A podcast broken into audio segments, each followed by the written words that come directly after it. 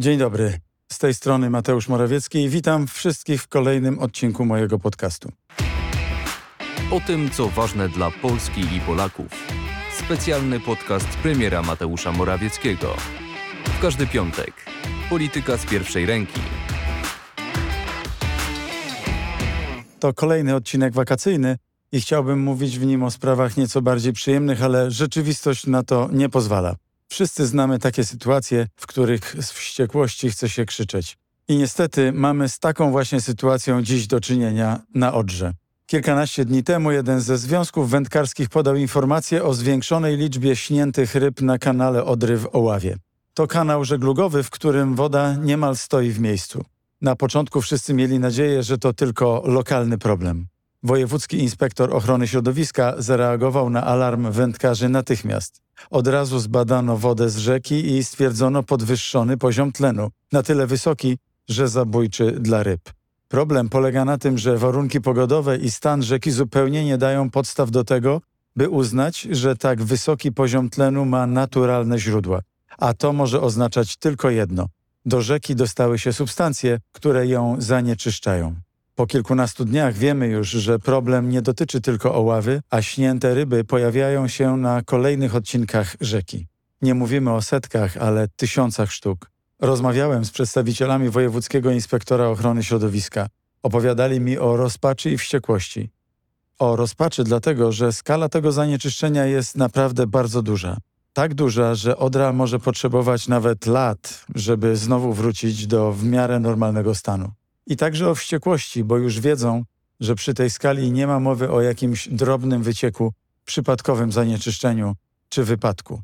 Prawdopodobnie do rzeki zrzucono ogromne ilości odpadów chemicznych i zrobiono to z pełną świadomością ryzyka i konsekwencji. Dlatego w rejon katastrofy wysłałem ministra Grzegorza Witkowskiego i szefa wód polskich, pana Przemysława Dacę. Stawką jest nie tylko dokumentacja szkód, ale przede wszystkim zabezpieczenie skażonych terenów. Proszę wszystkich Państwa mieszkających nad Odrą oraz turystów o ostrożność. Nie wchodźcie do wody, nie kąpcie się w niej, ale też pilnujcie swoich psów. Dla nich picie wody z rzeki też może okazać się bardzo niebezpieczne. Wszystkie służby wodne są teraz postawione w stan najwyższej gotowości. Codziennie pobierana jest woda do badań. W pracę włączyła się inspekcja weterynaryjna i sanepid, ale zapewniam, że to dopiero początek. Bo teraz najważniejszą kwestią pozostaje znalezienie sprawcy truciciela. 9 sierpnia Wojewódzki Inspektorat Ochrony Środowiska we Wrocławiu złożył do prokuratury zawiadomienie o możliwości popełnienia przestępstwa. Nie odpuścimy tej sprawy. Nie spoczniemy, dopóki winni nie zostaną surowo ukarani. To nie jest zwykłe przestępstwo. Szkody zostaną z nami na całe lata. Teraz, kiedy czyste środowisko jest skarbem niemal nie do zastąpienia, nie widzę innej możliwości jak kara która będzie przykładem i przestrogą dla innych. Dziś doskonale zdajemy sobie sprawę, że rozwój ma swoją cenę. Jako cywilizacja przemysłowa zyskaliśmy wiele. Dobrobyt, jakiego nie było w historii. Ale to wszystko odbiło się na naturze. Nasze dzieci mają coraz mniej okazji do tego, żeby obserwować nieskażoną naturę, żeby wychowywać się w otoczeniu czystego środowiska. Dlatego tak ważne jest, by nie odbierać im tych dóbr, którymi nadal dysponujemy. Mamy już technologie, które pozwalają na prowadzenie działalności przemysłowej, która nie niesie ryzyka dla natury. Wiemy, jak sobie radzić nawet z toksycznymi odpadami. Dlatego tym bardziej szokujące jest, że ktoś postanowił sobie z nimi poradzić w tak barbarzyński sposób. Zrzucić ścieki do rzeki i umyć ręce od odpowiedzialności, a potem powiedzieć sobie, że to nie moja sprawa. Tak jest najłatwiej. Ale to całkowicie błędne myślenie, bo to jest sprawa nas wszystkich. Rzeka, las, jezioro to nie jest ziemia niczyja, na której każdy może robić swój własny bałagan.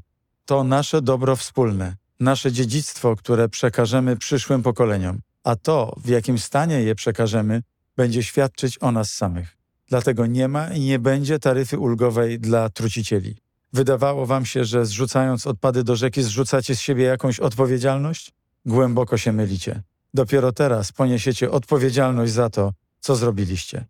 Dziękuję i żegnam wszystkich w tym nie najlepszym nastroju. Mam nadzieję, że za tydzień usłyszymy się w lepszych okolicznościach. Podcast jest dostępny w serwisach Spotify, Google Podcast oraz Apple Podcast.